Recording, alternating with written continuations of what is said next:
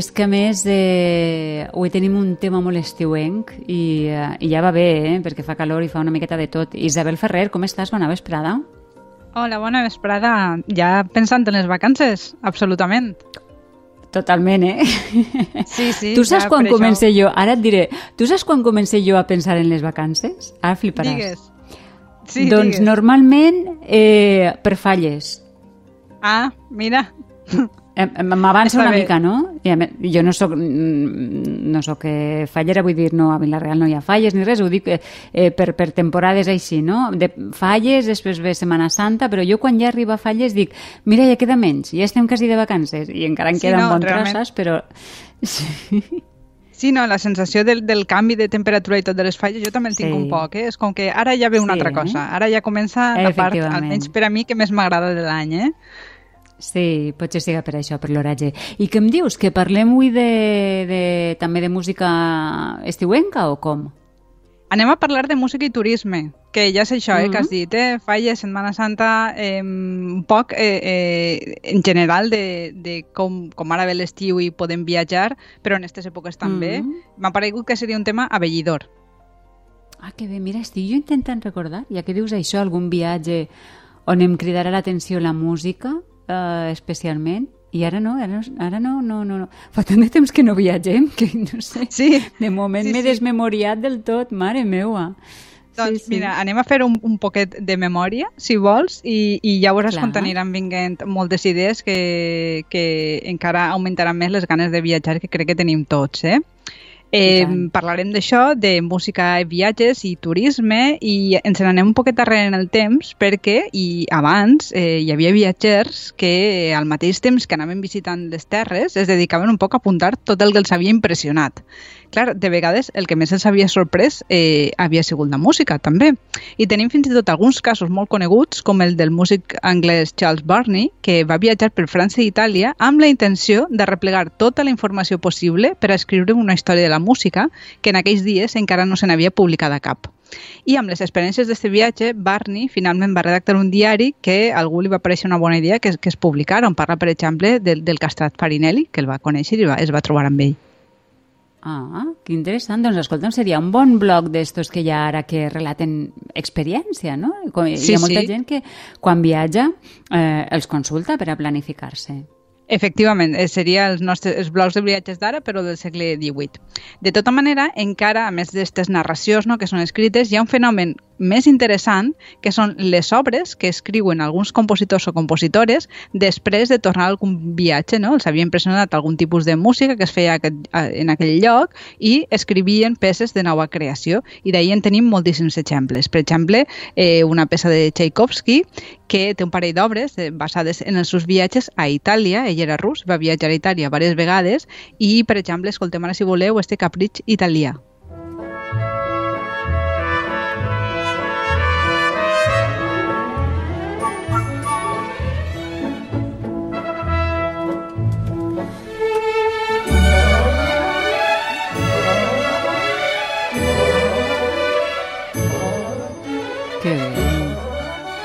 I escolta'm, aleshores, eh, a través d'aquestes obres podem conèixer també les músiques dels llocs que visitaren els compositors, no?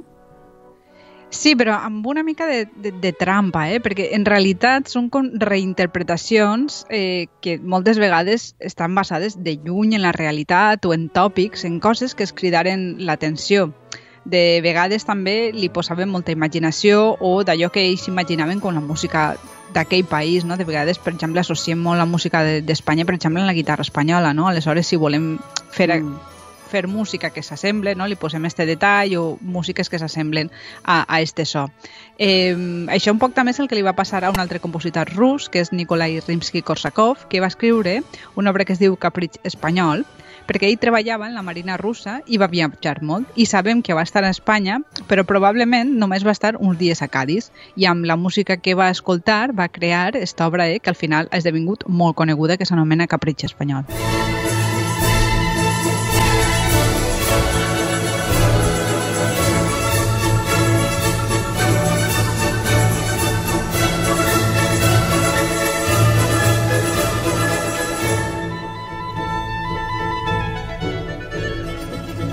Mira, no té absolutament res a veure, però pensa en el capricho àrabe.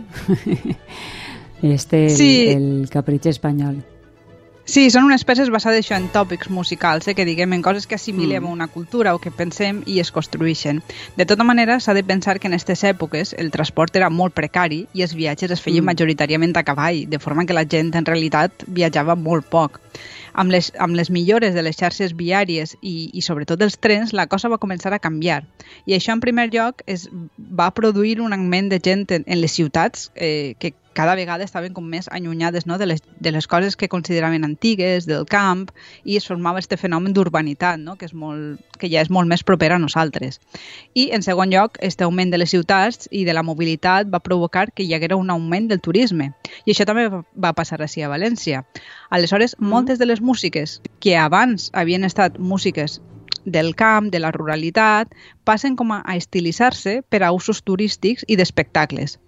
És el que, per exemple, li va passar al cant d'estil, a les Albaes, per, per dir el nom més comú, que Sí. si recordeu, tots haureu vist que n'hi ha moltes postals on es veuen grups professionals de balladors i de cantaors que feien, per exemple, actuacions a la Fira de Juliol per als visitants, o sigui, eren actuacions pensades per, a, per al turisme de casa, entre cometes, de gent que acudia a València, però també de gent que venia de, de fora. Aleshores, quan acabava l'actuació, tu perfectament podies anar a algun quiosc de la ciutat i te compraves la teua postaleta d'un espectacle musical que no era del tot mm, natural, per dir-ho així, sinó que estava preparat per a, per als, fo- la gent de fora, per als turistes.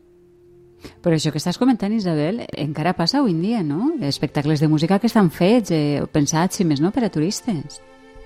Sí, és, és molt curiós i ara jo estava recordant un viatge que vaig fer a Cádiz fa, fa uns anys on al mig de la plaça on hi ha la catedral hi havia una xica ballant, algun gènere an- andalús, ella sola, Sí. a les dues del migdia, eh, a la Solana, en, que queia en, Buah. en ple estiu i feia molta calor i, i Mm. semblava un espectacle autoritzat per, per l'Ajuntament o per qui fora perquè estava pensat plenament per a, per a l'arribada d'un creuer, o sigui, havia arribat un creuer, havia baixat molta gent i estaven tots envoltant-la a ella que estava, Ja. que estava ballant. I a mi em resultava sorprenent perquè és com una dinàmica que, que com a, tant com a locals com com a turistes tenim molt assumida, que quan anem a un lloc ens oferiran un espectacle musical preparat per als turistes però que cap local el mira, només el miren els turistes, no? Ja, a mi no, no sé si em convenç això, perquè, clar, no estem mirant la música d'aquell lloc. Sí, el que passa és que és un poc com el cinema, no? Tots tenim assumit que és un espectacle, però mentre, mentre dura estem, Ja. estem totalment immersos. I és, no? és, un, Mm. és un joc que m'ha admès que igual no és igual com la música del lloc, però sí paregut, no? com una mostra no? que ens fan i a més és, un, és una feina que, que és una que dona diners no? a molta gent i és la professió de moltes persones.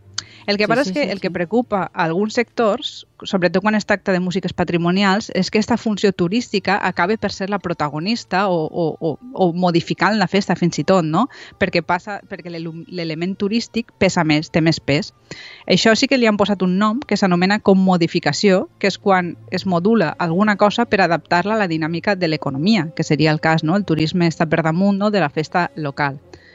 Per dir un Mm. exemple, si el misteri d'Elx de sobte atraguera molt de turisme, el que podria passar és que de ser un esdeveniment festiu que ha estat gestionat pel propi poble, eh, passar a estar institucionalitzat perquè d'altra forma seria com ingovernable, hi hauria massa gent que, que gestionar.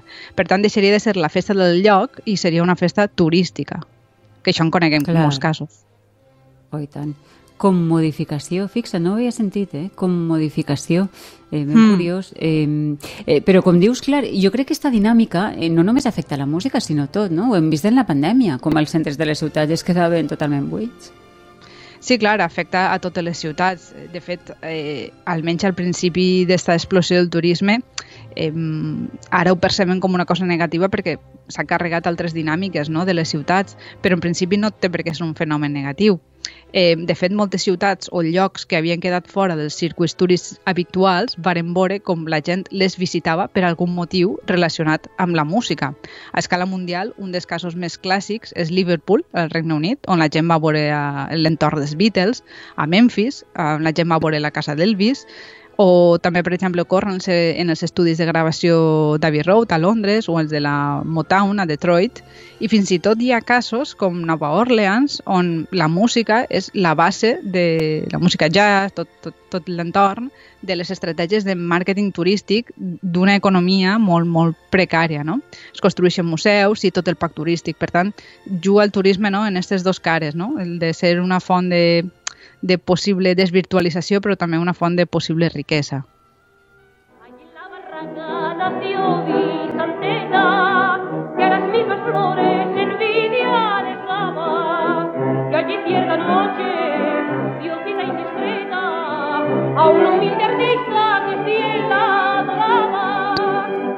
Suposa que ens has posat eh, eh, Concha Piquer perquè a València hi ha un museu també.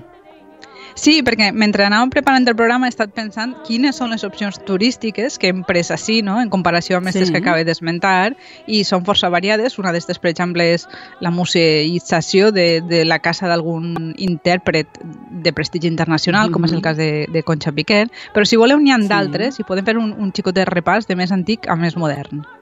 Vinga, va, fem un repasset, va. Mira, el primer cas ja l'he explicat, que és el de les albaes del Camp d'Estil, i sí. el següent que m'ha vingut ja saltem a l'època en què es va començar a desenvolupar el turisme de costa tan característic, per dir-ho així, de casa nostra, que és a finals dels anys 50, i no hi ha res més típic que reflectisca aquest moment que el naixement del Festival de Benidorm, que és l'any 1959 que sembla ser que, pel que he llegit, eh, que va ser cosa de l'alcalde de moment en relació a la xarxa d'emissores del, del moviment franquista, que, que és l'any 59, i part de la seva supervivència de l'èxit, que arriba fins fa res, la deu a l'èxit de la cançó que va guanyar aquell any, que és de la cantant xilena Monabel. Antes de que tus labios me confirmaran que me querías, ya lo sabía, ya lo sabía, porque con la mirada tú me pusiste un telegrama Escolta'm, uh, per tant, este festival està molt relacionat no, amb el creixement turístic de, de Benidorm, fins a com el coneixem avui en dia, no? Sí, probablement ha col·laborat molt a, a fer-li guanyar popularitat tant pel desenvolupament del festival com del, del turisme, no? Vam com molt de la mà. De fet, encara està al seu punt d'atracció que hi ha artistes que trien la ciutat per a seguir treballant tot l'any en orquestrines o en altres músiques. De tota manera, jo crec que el símil actual del Festival de Benidorm en l'any 59, quan va néixer, és un altre fenomen, que també són els, els, els festivals també, però en aquest cas els multitudinaris que hi ha avui en dia també en localitats de costa. Ui, tant, així en tenim un cabàs, eh? Sí, la fórmula del Festival de Platja, que va començar amb, jo crec que amb això, amb Benidorm, després el fit de Benicàssim, i ara doncs, sí. tenim el Medusa Cullera, l'Arena al Son de Borriana, i és una fórmula mm. que, que funciona a ple rendiment. I funciona, jo crec que també perquè per un preu relativament mòdic poden gaudir de dos, tres dies d'activitat ininterrompuda, allotjament en càmping, laxitud d'horaris, molta permissivitat i un llarg, etc. Però jo crec que un dels èxits més grans d'aquest tipus de festival és, i el que fa que tinga èxit realment és la capacitat que té per a crear vincles identitaris entre els participants.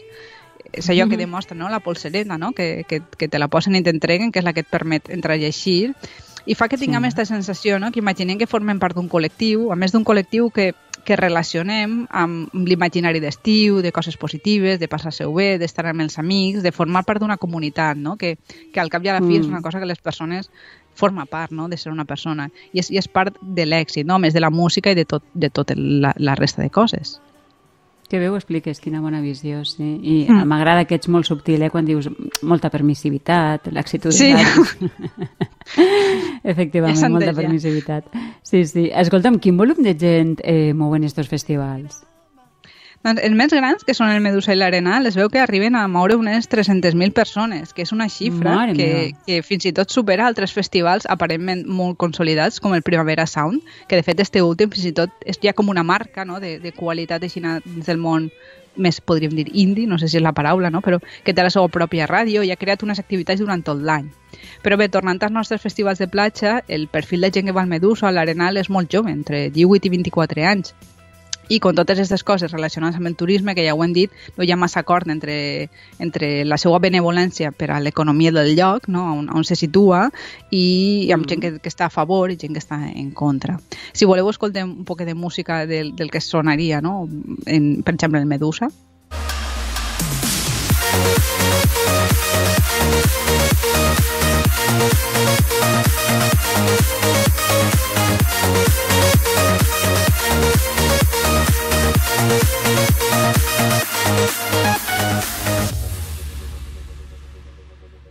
Ai, al marge d'estos festivals, eh, digai perquè eh, potser no em pillaries a mi ara en este concert, eh? No sé si a mi tampoc eh, ara mateix, però... No, veritat? M'ha fet sí, una mica de mandra. Sí, que pertany al col·lectiu, però és impressionant si seguiu per xarxa, si busqueu tot el merchandatge que porten i, i és, és impressionant sí, sí, realment. Sí. Ah, i tant. Eh, I és una altra edat, clar, un altre, un altre sector. Eh, existeixen altres experiències turístiques no, relacionades amb la música, com més integrades en el que seria l'entorn? Sí, sí que un poc hi ha la idea que caminar cap a un model mix, no? que mescla aquestes experiències més puntuals cap a i multitudinàries amb altres que, com deies, més integrades. Per exemple, hi ha teatres d'òpera que els seus edificis, com seria el cas del Liceu en Barcelona o d'ací, de la Ciutat de les Arts, ja són un atractiu turístic. Aleshores, una de les possibles experiències a oferir és l'assistència a un dels seus espectacles. No? De fet, això també es fa, per exemple, en el, en el bàsquet, en la NBA en els Estats Units, que dins del pack de viatge pot incloure acudir a un partit. No?